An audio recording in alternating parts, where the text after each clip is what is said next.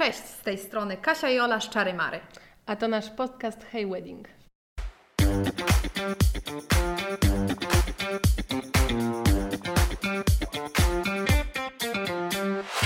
Cześć! Witamy Was dzisiaj już w szóstym odcinku naszego podcastu. Na początku chciałybyśmy Wam bardzo podziękować za miły odzew. Dostałyśmy od Was mnóstwo wiadomości i mnóstwo było udostępnień naszych odcinków.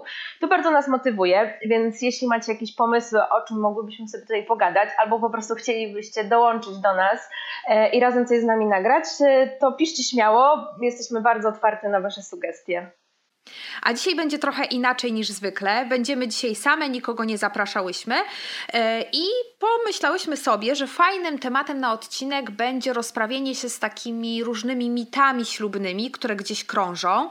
E, być może część z nich okaże się prawdą, e, część z nich też podesłaliście nam wy, także zapraszamy do słuchania i przechodzimy do pierwszego mitu. Okej, okay, a brzmi on: jedzenie w bufecie nie sprawdzi się. To jest taki temat, który w ogóle my bardzo często, Ola, poruszamy z naszymi parami. Chyba nie ma takiego wesela, żeby temat bufetów i jedzenia w stołach gdzieś tam się nie pojawił. Jakie są najczęstsze rzeczy, których para się boi, Twoim zdaniem? Mhm. Przede wszystkim bardzo często wspominają o osobach starszych na swoim weselu. Martwią się, że takie osoby nie, pójdą, nie podejdą do bufetu, przez co będą głodne przez większość imprezy. Stawiają też na tradycję i na przyzwyczajenie. Mówią, że na poprzednich weselach w rodzinie, na których byli, e, no to wszędzie te jedzenie było po prostu w stołach, no jest dla nich takie niespotykane, że można je podać inaczej. E, no wydaje mi się, że to są chyba takie dwa główne argumenty. Rzeczywiście tak jest, że trochę ludzie boją się nowości. Chyba ze wszystkim właściwie tak jest. E, natomiast e, no, nie ma co ukrywać. My w jedzeniu w bufetach widzimy same plusy. E, wśród nich e, na przykład to, że jedzenie jest stale wymieniane, że to nie jest tak jak z jedzeniem ze stoł, e, na stołach, gdzie ono jak zostało tam o nie wiem 20 wystawione, tak przez całą noc sobie leży, majonez robi się taki żółty na, na, na tej sałatce, tylko dokładnie, tylko cały czas obsługa kelnerska to podmienia. Tam jest czysto, ładnie, estetycznie Mm, poza tym, no nie wiem, czy mieliście takie sytuacje kiedyś wy na e, weselach, ale na przykład na stole leżało coś, co było bardzo smaczne. Wszyscy mieli na to ochotę i zostaje ten ostatni kawałek i tak naprawdę każdemu głupio jest to zjeść, no bo już ostatniego kawałka się nie zjada.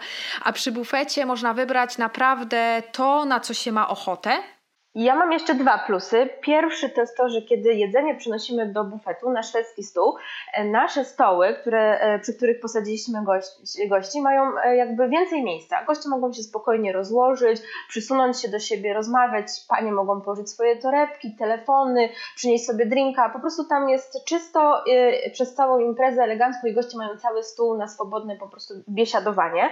Mm, I też dla, zawsze zauważam coś takiego, że w momencie, kiedy mamy bufet, to goście się więcej integrują. E, zawsze widzę, jak podchodzą z dwóch stołów i nagle się zaczyna, a ta przekąska jest fajna, bardzo dobra, proszę spróbować, ty jeszcze nie jadłam i okazuje się, że spotkali się przy bufecie z, róż, z dwóch różnych stołów i wracają do jednego na pogaduszki i na drinka, więc moim zdaniem szwedzki stół też bardzo integruje gości.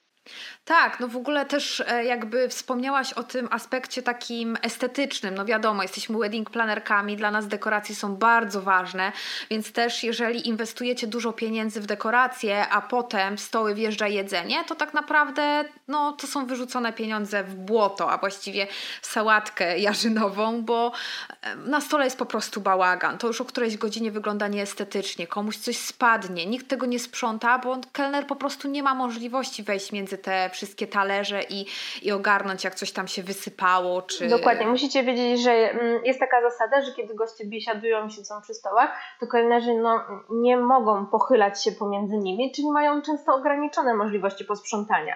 Za to przy szwedzkim stole mogą podejść w każdym momencie, e, posprzątać, dołożyć jedzenie, ułożyć to piękne jedzenie, więc to jest na pewno e, super rozwiązanie i wygoda dla kelnerów, dla Was i dla Waszych gości. Czyli możemy obalić ten mit i uznać, że to jest po prostu nieprawda i nie ma się czym przejmować. E, I jedzenie w bufecie e, jest fajniejsze i nie trzeba się go bać? Dokładnie, obalamy ten mit. Dobrze, to jesteśmy dalej przy temacie jedzenia. Mam następny jedzeniowy mit. E, serwis półmiskowy jest lepszy od serwowanego obiadu.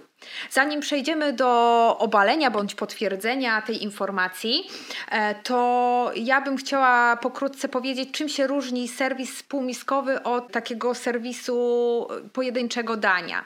Czyli e, jeżeli chodzi o półmiski, to mamy wiele rodzajów mięs, dodatków i tak dalej. To wszystko wjeżdża w stoły podczas obiadu.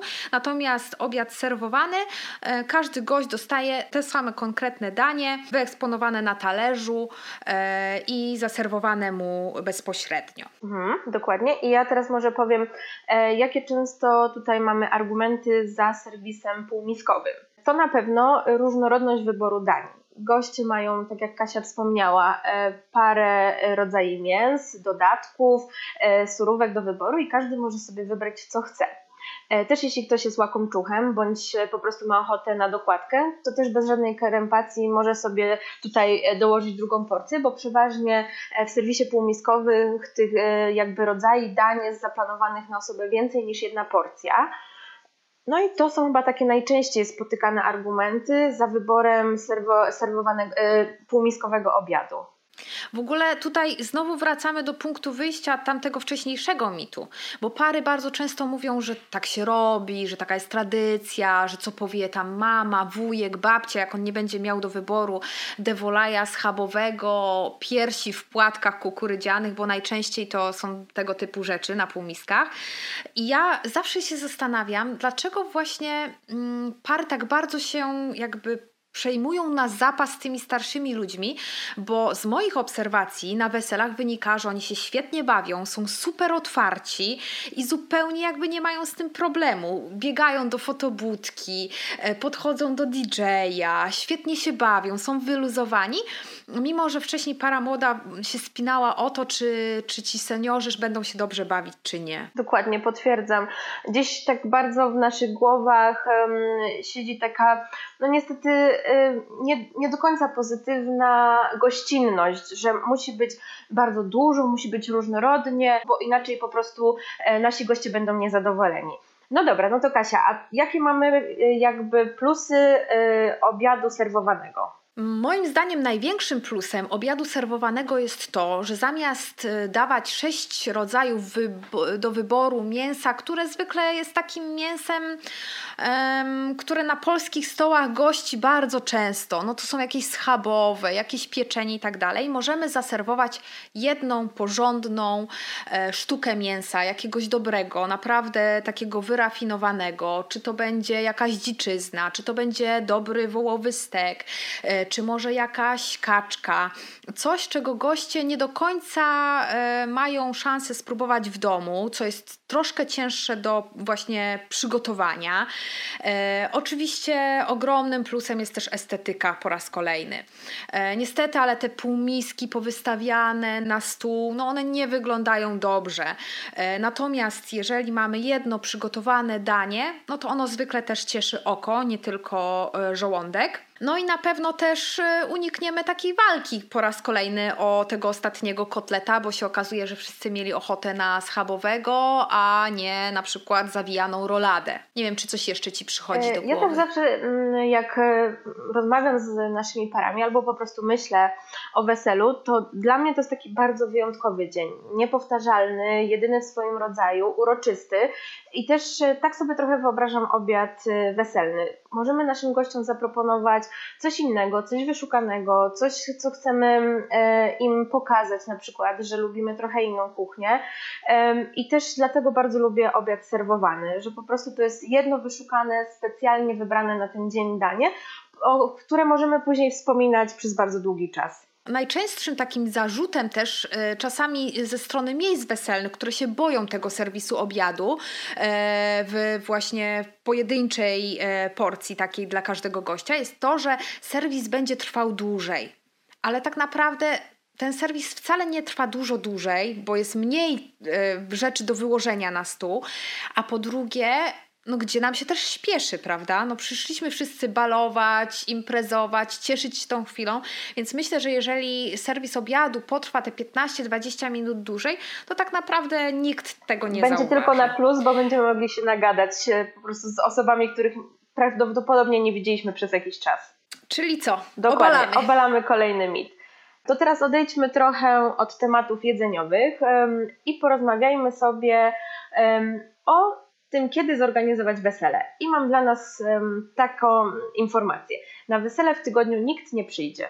O, to też taki temat rzeka. Ja zawsze wychodzę z założenia, może tutaj trochę już zdradzę od razu moje stanowisko, że jeżeli mi komuś zależy na tym, żeby być z Wami w tym dniu, to absolutnie, czy to będzie poniedziałek, wtorek, środa, czwartek, piątek, sobota czy niedziela, to po prostu e, z Wami będzie. Tak, e, zgadzam się. Znaczy, na pewno musimy powiedzieć tutaj y, o takim fakcie, że organizując wesele w tygodniu, no, ktoś może mieć większy problem z wzięciem urlopu, y, z dojazdem do nas, no, mogą jakieś deadlines w pracy, czy jakieś, nie wiem, sytuacje z przedszkolem, ze szkołą dzieci y, spowodować, że komuś będzie ciężej być z nami tego dnia. Ale my mocno z Kasią wierzymy, że kiedy zapraszacie na swoje wesele bliskie osoby, te wyjątkowe osoby, to one zrobią wszystko, aby z wami być.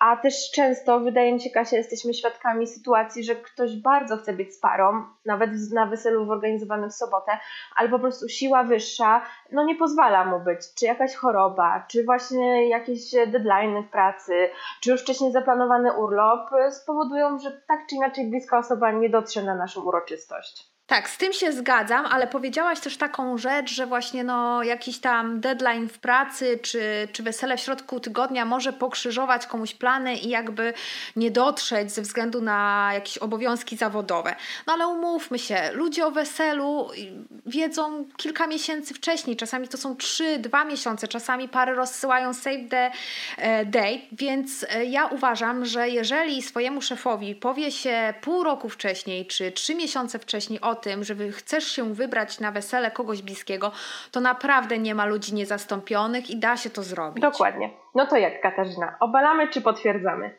Obalamy, a najlepszym przykładem jest na to, że miałyśmy wesele w czwartek e, i Frekwencja była stuprocentowa Dokładnie. gości, co się nie zdarza na sobotnich weselach.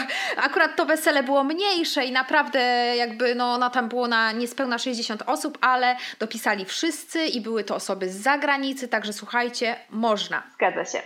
Okej, okay, a teraz jeden z um, takich tematów, które ja bardzo lubię, ale nie każdego może on ciekawi, a jest to, e, są to zaproszenia i odmiana nazwisk. Wszystkie nazwiska na zaproszeniach powinno się odmieniać. No i co ty na to? To jest mój temat. To jest mój temat. To nie jest mit, to jest święta prawda. E, wszystkie nazwiska polskie, uściśnijmy tutaj, odmieniamy.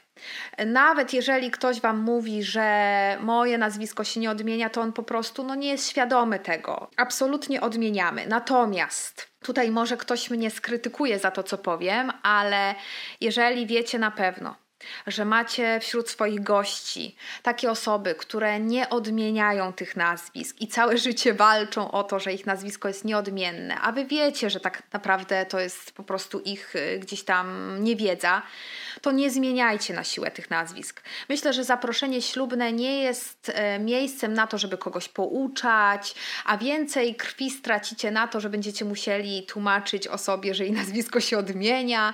Lepiej to przemilczeć, nie odmieniać i już. Ale jak macie wątpliwość, to możecie śmiało odmieniać nazwiska, bo wszystkie się e, odmienia. Słuchajcie, ja e, nawet przygotowałam się do tego i przed naszym podcastem zajrzałam do słownika języka polskiego e, i powiem Wam, co tam znalazłam. Język polski jest e, językiem fleksyjnym. Co to znaczy? No to, że właśnie wszystkie imiona i nazwiska podlegają deklinacji, więc na przykład mówimy, że idziemy do Nowaka czy do Nowaków, a nie do Nowak. Jak to ma się do naszych zaproszeń? Nasze imiona i nazwiska naszych gości łączymy z czasownikiem zapraszać a czasownik zapraszać e, podlega deklinacji i łączy się z biernikiem, czyli kogo co. Więc po prostu wszystkie nazwiska musimy odmieniać. Nie bójmy się, bo często nasze pary mówią, ale jak to nazwisko brzmi z tym takim ów na końcu, e, czy tam z jakąś inną końcówką. Może to brzmi e, jakoś dziwnie na pierwszy rzut oka, e, czy tam ucha, ale jest to poprawnie i naprawdę nie bójmy się, że zapraszamy wielgusów. Jezu, jest, zaimponowałaś mi, muszę powiedzieć. No, tak się pięknie przygotowałam. Pomyślałam, że może to komuś pomoże przekonać się. Dobra, to ja teraz narzucam taki ciężki temat. E, wedding planerski. Dawaj. Wedding planner pobiera wynagrodzenie adekwatne do budżetu wesela. Co ty na to? Hmm. Teraz będzie sama prawda i tylko prawda. Powiem tak, nie znam zasad rozliczenia się wszystkich wedding planerów.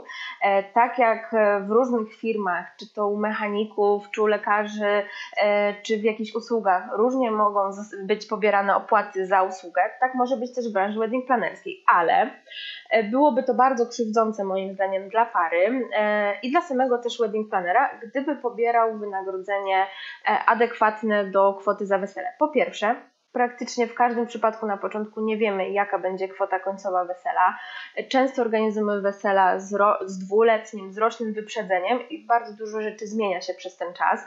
Para decyduje się dołożyć jakąś kwotę do wesela albo z różnych przyczyn zmniejszyć e, kwotę, którą chce wydać na wesele, więc taka, taki wedding planner nigdy nie wiedziałby, ile zarobi. Z tego co wiemy, przede wszystkim to jest tak, że wedding planner organizując Wasze wesele poświęca jakąś określoną liczbę godzin e, na zorganizowanie tego.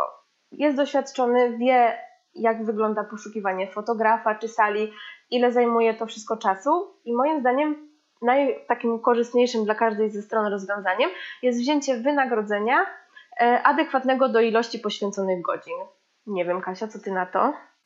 Tak, ja się z Tobą w 100% zgadzam. Tak też my się rozliczamy z naszymi parami, ale Myślę sobie, że jakby, bo powiedziałaś taką rzecz, że to może być niekorzystne dla wedding planera, takie nazwijmy to, no, czy to nie jest prowizja, tylko jakby no, ten procent od wartości wesela. No myślę, że jeżeli agencja organizuje bardzo wysoko budżetowe wesela, to jakby y, bardzo jej się to opłaca, ale z drugiej strony wydaje mi się, że to jest tak nieuczciwe w stosunku do klienta, no bo dlaczego ten klient, który po prostu ma więcej pieniędzy, e, ma e, na wesele ma płacić więcej za wedding planera? No dla mnie to jest niezrozumiałe. To tak jakby e, ja poszła do, nie wiem, Mediamarktu i chciała sobie kupić komputer i sprawdziliby mi e, ile mam na koncie i okazałoby się, że mam więcej niż ty i powiedzieli, ty Wietrzyk płacisz o 2000 więcej, bo cię stać, a Wielgus ma taniej. No dla mnie to jest zupełny absurd. Popatrz na to, że y, myślę, że to też nie jest tak, że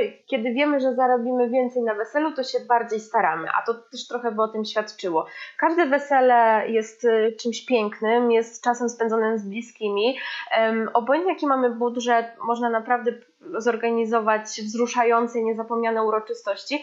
I dobrze o tym wiemy, że y, przy każdym weselu pracujemy tak samo i tak samo się staramy. Znalezienie fotografa przy budżecie, kiedy nie wiem, mamy na wesele 100-200 tysięcy, czy mamy na takie wesele 60, to ta sama praca i to samo zaangażowanie. Dobrze, czyli e, generalnie pomijając jakiś tam mały odsetek, z tego co wiemy, większość wedding planerów takiej praktyki nie stosuje, natomiast no tutaj e, do końca obalić też e, tego mitu nie możemy. Dokładnie. No dobra, teraz... Ja mam super, ja mam super. Och, no dobra, dawaj. nie ma wesela bez disco polo. Oj tam, oj tam. Nie wiem, czy się z Tobą zgadzam. Dawaj. No z disco polo to bywa ciężko, bo znam ludzi, którzy są, znaczy większość osób, które znam, to są przeciwnikami tego nurtu muzycznego, natomiast znam też takich, którzy są ogromnymi fanami i jakby w to jak nie chciałabym się zagłębiać, czy disco polo to dobra muzyka, czy to nie muzyka, jakby pomińmy gusta, bo o gustach się nie dyskutuje. Ale czy y, skupmy się na tym, czy rzeczywiście można zrobić wesele bez disco polo? E, czy, czy jakby taka impreza, jaką jest wesele, może istnieć bez tego gatunku? Co uważasz? Tak, jeśli to jest życzenie młodej pary, i bardzo często e, spotykałyśmy, znaczy bywałyśmy na weselach, e, gdzie para poprosiła e, swoich wykonawców, DJ-a czy zespół, aby ten gatunek się nie pojawił. Zostało to uszanowane przez wykonawców i była naprawdę mega świetna zabawa. Nie zauważyłam, żeby ktoś jakby źle się bawił przez to, że nie słyszał e, gdzieś tam disco polo. Wręcz przeciwnie. Dobry wykonawca potrafi tak dobrać utwory, że porwą do tańca i młode towarzystwo e, naszych znajomych, jak i to starsze, czyli gdzieś naszych rodziców, wujków. E, każdy znajdzie coś dla siebie.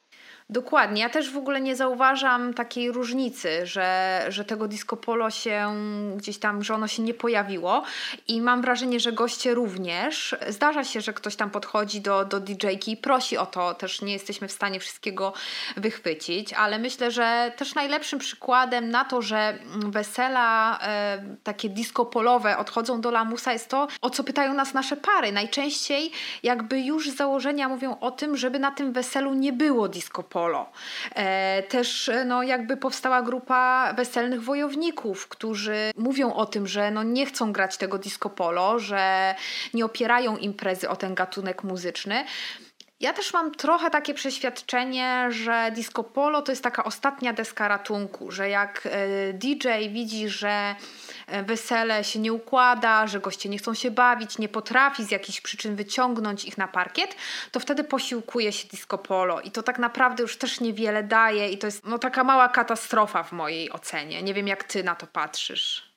Tak, też mi się tak czasem wydaje, że kiedy DJ zaczyna się martwić, że od jakiegoś czasu parkiet jest pusty, mm, to ma nadzieję, że przyciągnie gości właśnie puszczając jakiś e, bardzo znany hit disco polo. I, jest, e, I często zdarza się, że po prostu goście podrywają się na parkiet, ale kończy się to tak, że zatańczą do tej piosenki i zaraz po niej znowu siadają tam do stolików czy wychodzą gdzieś na taras.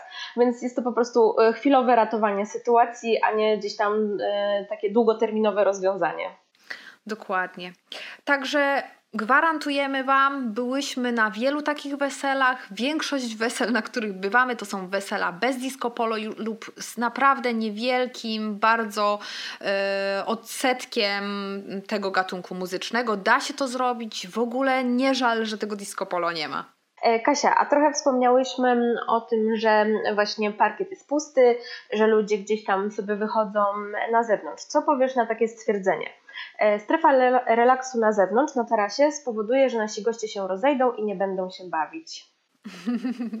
o, to jest też taka kolejna obawa. E, w ogóle teraz wchodzimy w taki czas, gdzie te wesela slow wedding, gdzie wszystko dzieje się powoli, są bardzo modne i to się zmienia.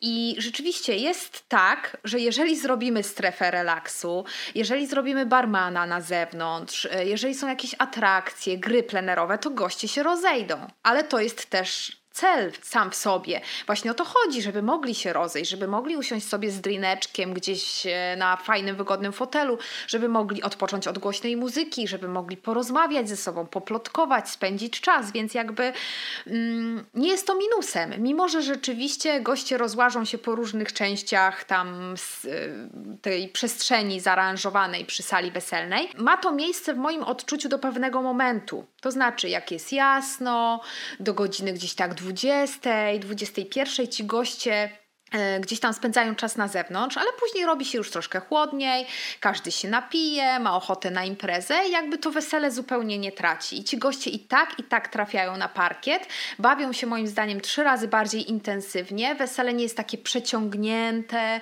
i generalnie mm, myślę, że mimo, że goście się rozchodzą, to jest to ogromnym plusem dla wesela. Ja w 100% potwierdzam, zawsze mam na to taką jedną odpowiedź, która może nie jest najmniejsza na świecie, a ona brzmi i co z tego, że się rozejdą? No słuchajcie, popatrzcie.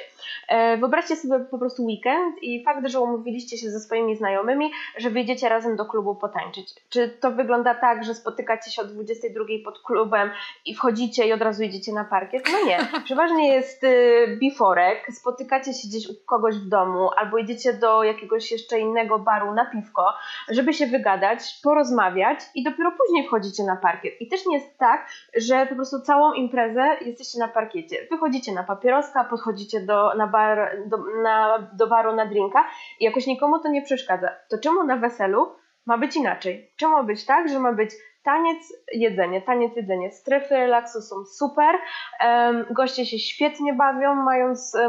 Możliwość wyjścia gdzieś tam sobie przycupnięcia przy drinku, albo właśnie tak jak Kasia wspomniała, podejścia do barmana, który jest na zewnątrz, zagrania w gry plenerowe, to mega urozmaica wesela i my to bardzo mocno polecamy. Ale zobacz, jaki to jest w ogóle absurd, bo my, jak nikt, e, wiemy, jak pary młode bardzo dbają o to, żeby dobrze ugościć swoich gości. Organizują im atrakcje, e, noclegi, dojazdy, pyszne jedzenie, wybierają najlepszego DJ-a, jakiego tylko mogą, czy tam orkiestrę. E, dbają o dekoracje, no po prostu jakby, no nie ma lepszych wesel niż polskie, tak? Skąd się wzięło to powiedzenie o polskiej gościnności i robią wszystko dla gości, a nie chcą im dać często tej wolności, żeby oni mogli po prostu dobrze się bawić, żeby mogli robić to, na co mają ochotę w tym momencie, że mają taką spinę, że goście muszą tańczyć, że gdzieś tam się utarło, że dobre, udane wesele to jest pełen parkiet gości. I ja się cieszę, że powoli to się zmienia, że to nie jest wyznacznikiem, że właśnie pary luzują, że mają czas na to, żeby sobie wyjść na zewnątrz, posiedzieć i nikt za nimi nie goni, nie mówi musicie wracać na salę, bo para musi być na sali, musicie tańczyć, musicie robić to. My zresztą kiedyś mówiłyśmy o takich oczekiwaniach wobec pary młodej, wobec gości, że tak naprawdę każdy czegoś od tych ludzi oczekuje. Albo to wedding planner czegoś chce, albo fotograf to chce, żeby byli uśmiechnięci, to chyba nawet ty mówiłaś, a, a gdzieś tam DJ chce, żeby byli na parkiecie. Niech oni sobie robią, co chcą, na co mają ochotę i świetnie się bawią. E, potwierdzamy ten mit, ale to jest akurat bardzo dobre i tego się nie bójcie. To ja teraz mam coś dla ciebie w takim razie. Uch, dawaj. Mniejsze wesele to duża oszczędność. Chciałabym, żeby tak było.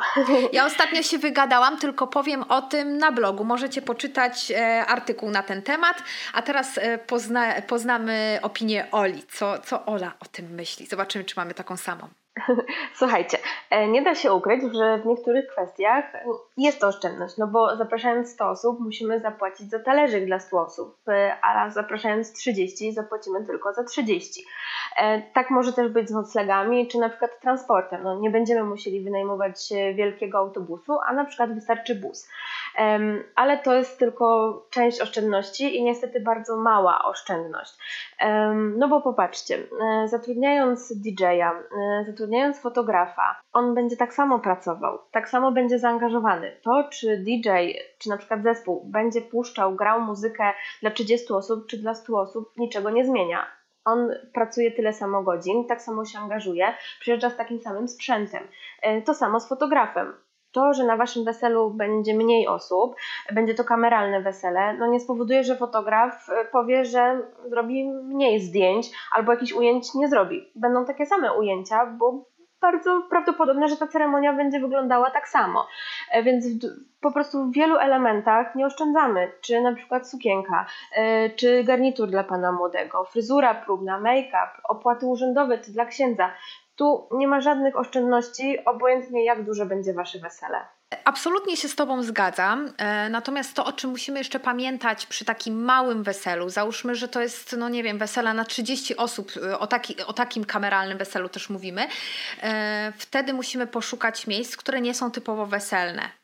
Zwykle. Chyba, że no to jest jakaś mała salka naprawdę i obok się dzieją jeszcze trzy inne wesela, a my sobie robimy to tak na kupie. Ale jeżeli myślimy zwykle o kameralnym weselu, to myślimy o jakimś wyjazdowym miejscu, jakimś spokojnym, chcemy spędzić ten czas z rodziną i okazuje się, że te miejsca weselne nie są dobrze przystosowane do tego, bo nie zajmują się na co dzień robieniem wesel i koszty nam się bardzo windują, pojawiają się różne problemy, które trzeba obejść, a to też generuje kolejne koszty, więc na przykład przykład e, jeżeli chodzi o samą, nazwijmy to salę czy miejsce weselne, to tutaj może no, to nam też znacznie wygenerować koszt. Ja widzę jakby jedyną oszczędność i potwierdzeniem e, dla tego mitu, o którym sobie rozmawiamy, e, sytuacje, kiedy organizujemy naprawdę bardzo skromne wesele, na przykład, nie wiem, dla najbliższych osób, powiedzmy 10 i nie robimy hucznej zabawy do białego rana, a po prostu po ceremonii w kościele czy w urzędzie stanu cywilnego zapraszamy po prostu tych gości na obiad i takie gdzieś tam krótkie posiedzenie.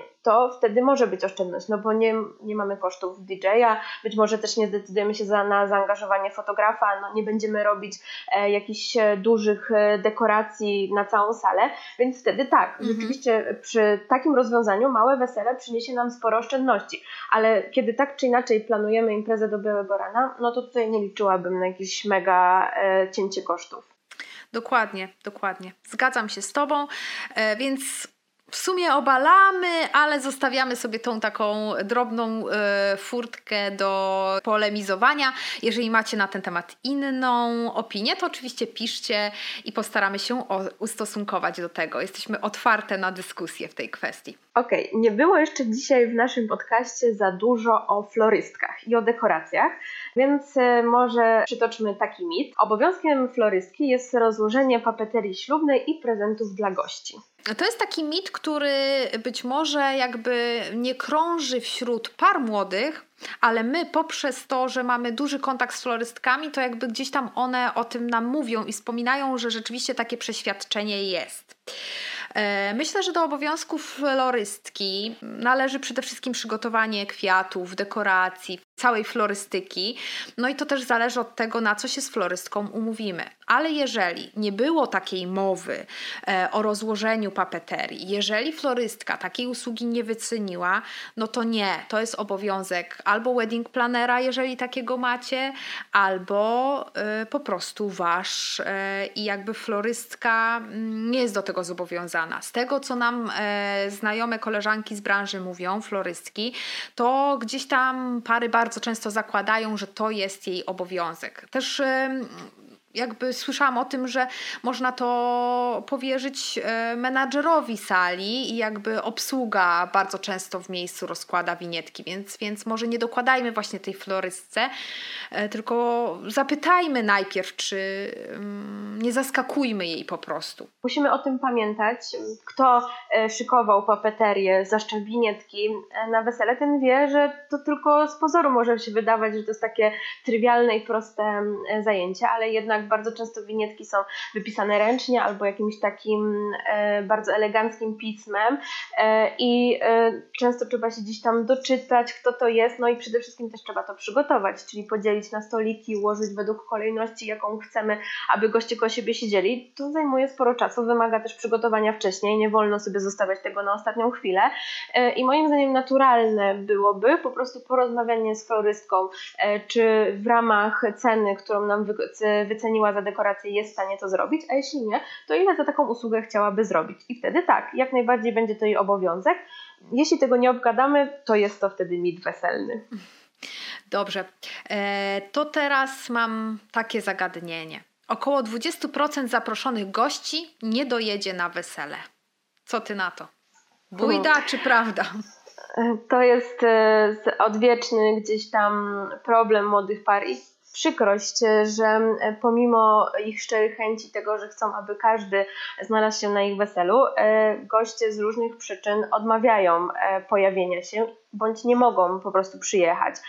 Tutaj już myślę, że nie będziemy się zagłębiać, jakie są przyczyny nieobecności gości na weselach, ale tak, planując wasze wesele, robiąc listę gości, przygotujcie się na to, że część gości nie będzie. I ja tutaj się zgadzam, myślę, że Kasia potwierdzi, 20-30% gości odpada. E, to jest bardzo ważne, mówimy zawsze o tym, może brzmi to brutalnie, ale może Wam taka wiedza ta może gdzieś Was uratować finansowo, bo bardzo często nasze pary e, podpisując umowę z salą upierają się, że podpiszą na taką ilość gości, jaką oni sobie założyli. Czyli jeśli na ich liście 121 osób, to oni tak chcą. I później okazuje się, że przyjeżdża 90, i trzeba za 30 pustych miejsc zapłacić. E, dlatego pamiętajcie, e, młode pary, że musimy być przygotowani, że ktoś jednak nie będzie się mógł zjawić. Dokładnie, zawsze wybierajcie możliwe najniższe minimum na sali, jakie macie, bo dołożyć e, zawsze gości można i no oczywiście, jeżeli e, warunki na sali na to pozwalają, tak? Nie wybieramy też sali na 60 osób, zapraszając 100, licząc, że 40 nie przyjedzie, ale wszystko w granicach granicach zdrowego rozsądku, ale jeżeli e, mamy zagwarantować jakiś minimum, to naprawdę najlepiej tą dolną granicę, bo, bo zawsze możecie e, powiększyć tą ilość, a ze zmniejszeniem bywa różnie. Mm, no tak jak Ola mówi, jest to bardzo smutne i często pary mówią, że nie, że zapraszają najbliższą rodzinę, no ale nie ma opcji, żeby przy zaproszeniu 100 osób komuś coś nie wypadło, nie pojawił się jakiś urlop, niestety choroby. Bardzo często okazuje się też w dniu ślubu nawet, że, że po prostu goście nie dojeżdżają, bo no, stało się coś, co na to nie pozwoliło. Także mm, oczywiście to jest takie szacunkowe. No, wspominałyśmy już dzisiaj nawet o weselu, gdzie pojawili się absolutnie wszyscy goście. E, były też takie smutne historie, kiedy mm, gdzieś tam były naprawdę duże niedojazdy ale taka szacunkowa średnia to jest myślę właśnie to takie około 20%. To y, wróćmy sobie, bo już myślę, że powoli będziemy kończyć, bo dość długo sobie tutaj rozmawialiśmy o bardzo fajnych mitach. To na koniec mam jeszcze mit y, związany z wedding planerem y, i będzie on brzmiał tak. E, zatrudniając wedding planera e, straci się całą przyjemność z organizacji wesela. Trochę mnie rozbawiło to, co powiedziałaś. No to zależy, y, jakiego wedding planera y, zatrudnisz. Jak zatrudnisz nas, to na pewno będzie super, a jakiegoś innego, no to nie wiadomo. Nie, no tak już całkiem, całkiem poważnie to Niektórym rzeczywiście pannom młodym, szczególnie gdzieś tam ja y, dopatrzyłam się takich opinii na takich grupach, gdzie panny młode bardzo mocno same działają, wyszukują, mają z tego dużą frajdę, że rzeczywiście, że wedding planner zabierze tą radość, że może będzie decydował za parę młodą, że nie będzie miała para młoda satysfakcji. E, mi się wydaje, że to zależy wszystko od tego, na jaki rodzaj współpracy się umówicie, czego oczekujecie i jakby mm, no, z własnego doświadczenia wiem, że my nigdy nie ograniczamy pary. Jeżeli para ma ochotę mocno uczestniczyć w tych przygotowaniach, e, nie wiem, chce, żebyśmy odezwały się do jakichś wykonawców, którzy wpadli jej w oko, czy jakby no, chce bardziej się zaangażować, no to jak najbardziej, jakby to jest super. Moim zdaniem jest e, wręcz przeciwnie bo, no bo popatrzcie, zatrudniając wedding planera, to co wy robicie, to zajmujecie się po prostu tymi najfajniejszymi rzeczami, czyli jeździcie na degustacje, oglądacie piękne portfolia wykonawców, których my wam podsyłamy, e, wybieracie papeterię, rozmawiacie o stylistyce wesela, e, jeździcie z przyjaciółkami czy tam z kumplami na przymiarkę strojów weselnych a my, my bierzemy na siebie to wszystko, co jest mniej przyjemne i wymaga po prostu takiego skupienia i doświadczenia. Czyli e, załatwiamy formalności, wysyłamy masę maili, e, negoc znaczy negocjujemy, no, ustalamy warunki e, gdzieś tam współpracy, e, pilnujemy budżetu, pilnujemy terminów spotkań i płatności, czyli robimy po prostu tą taką całą, e, jakby, jak to nazwać, no, taką wewnętrzną brudną, robotę, brudną robotę, to po imieniu. a Wam zostawiamy zostawiamy Dokładnie, a Wam po prostu zostawiamy te wszystkie najfajniejsze, najlepsze smaczki. No i tak jak Kasia powiedziała, to Wy decydujecie, jak bardzo chcecie się zaangażować i w co chcecie się zaangażować. E, to nie jest tak, że Wedding Planner po prostu wysyła Wam e, trzy oferty e, fotografa, taki suchy opis i mówi proszę do piątku podjąć decyzję, bo jak nie to będą kary umowne. No nie, to jest też mega czas, bo my sobie wtedy dyskutujemy, omawiamy, Wy też jak najbardziej bierzecie udział w przygotowaniach i możecie się tym, tymi przygotowaniami cieszyć. I nie musicie wysyłać piąty raz maila do wykonawcy, żeby wam wysłał y, umowę na przykład, dzięki czemu spotykacie go na weselu i myślicie sobie, Boże, jaki on jest super. Nie no, żartuję, ale rzeczywiście unikacie tego takiego na pewno przypominania się ludziom, no bo jakby my zawsze też podkreślamy, że od tego jesteśmy, żeby się przypominać i nasze pary dobrze wiedzą, że, że nie boimy się przypominać ani wykonawcom, ani i im, e, jak nam tam z czymś wiszą. E, I myślę, że tak, że właśnie to pozwala skupić się na tych fajnych rzeczach, na przygotowaniach, e, ale w takiej zupełnie innej płaszczyźnie. Wszelkie stresy i tak dalej Was po prostu omijają. O części rzeczy tak naprawdę też gdzieś tam nie wiecie, ale nie dlatego, że e, coś przed Wami ukrywamy, tylko że po prostu jakby załatwiamy no, na takim etapie, że, że zupełnie mm, nie musicie o tym wiedzieć, bo to jest zbędna informacja. Tym miłym akcentem em, myślę, że czas zakończyć nasz dzisiejszy podcast. Trochę się nagadałyśmy. E, Mamy nadzieję, że rozwiałyśmy m, trochę wątpliwości naszych par młodych, a trochę Was potwierdziliśmy gdzieś, jeśli zgadzaliście się e, z naszym zdaniem. E, Jak macie jakieś mity, e, coś Wam gdzieś na przykład u Was w rodzinie krążą, jakieś, że na weselu na pewno musi być to, albo właśnie coś nie może się pojawić, to koniecznie do nas napiszcie, bo jesteśmy ciekawe i chętnie je znowu obalimy. Albo potwierdzimy. Właśnie, dokładnie. Dziękujemy, że byliście dzisiaj z nami. Trzymajcie się zdrowo i czekamy na Wasze opinie. Być może się nie zgadzacie z czymś, co powiedziałyśmy, to też napiszcie, to będziemy dyskutować. Buziaki. Pa, pa!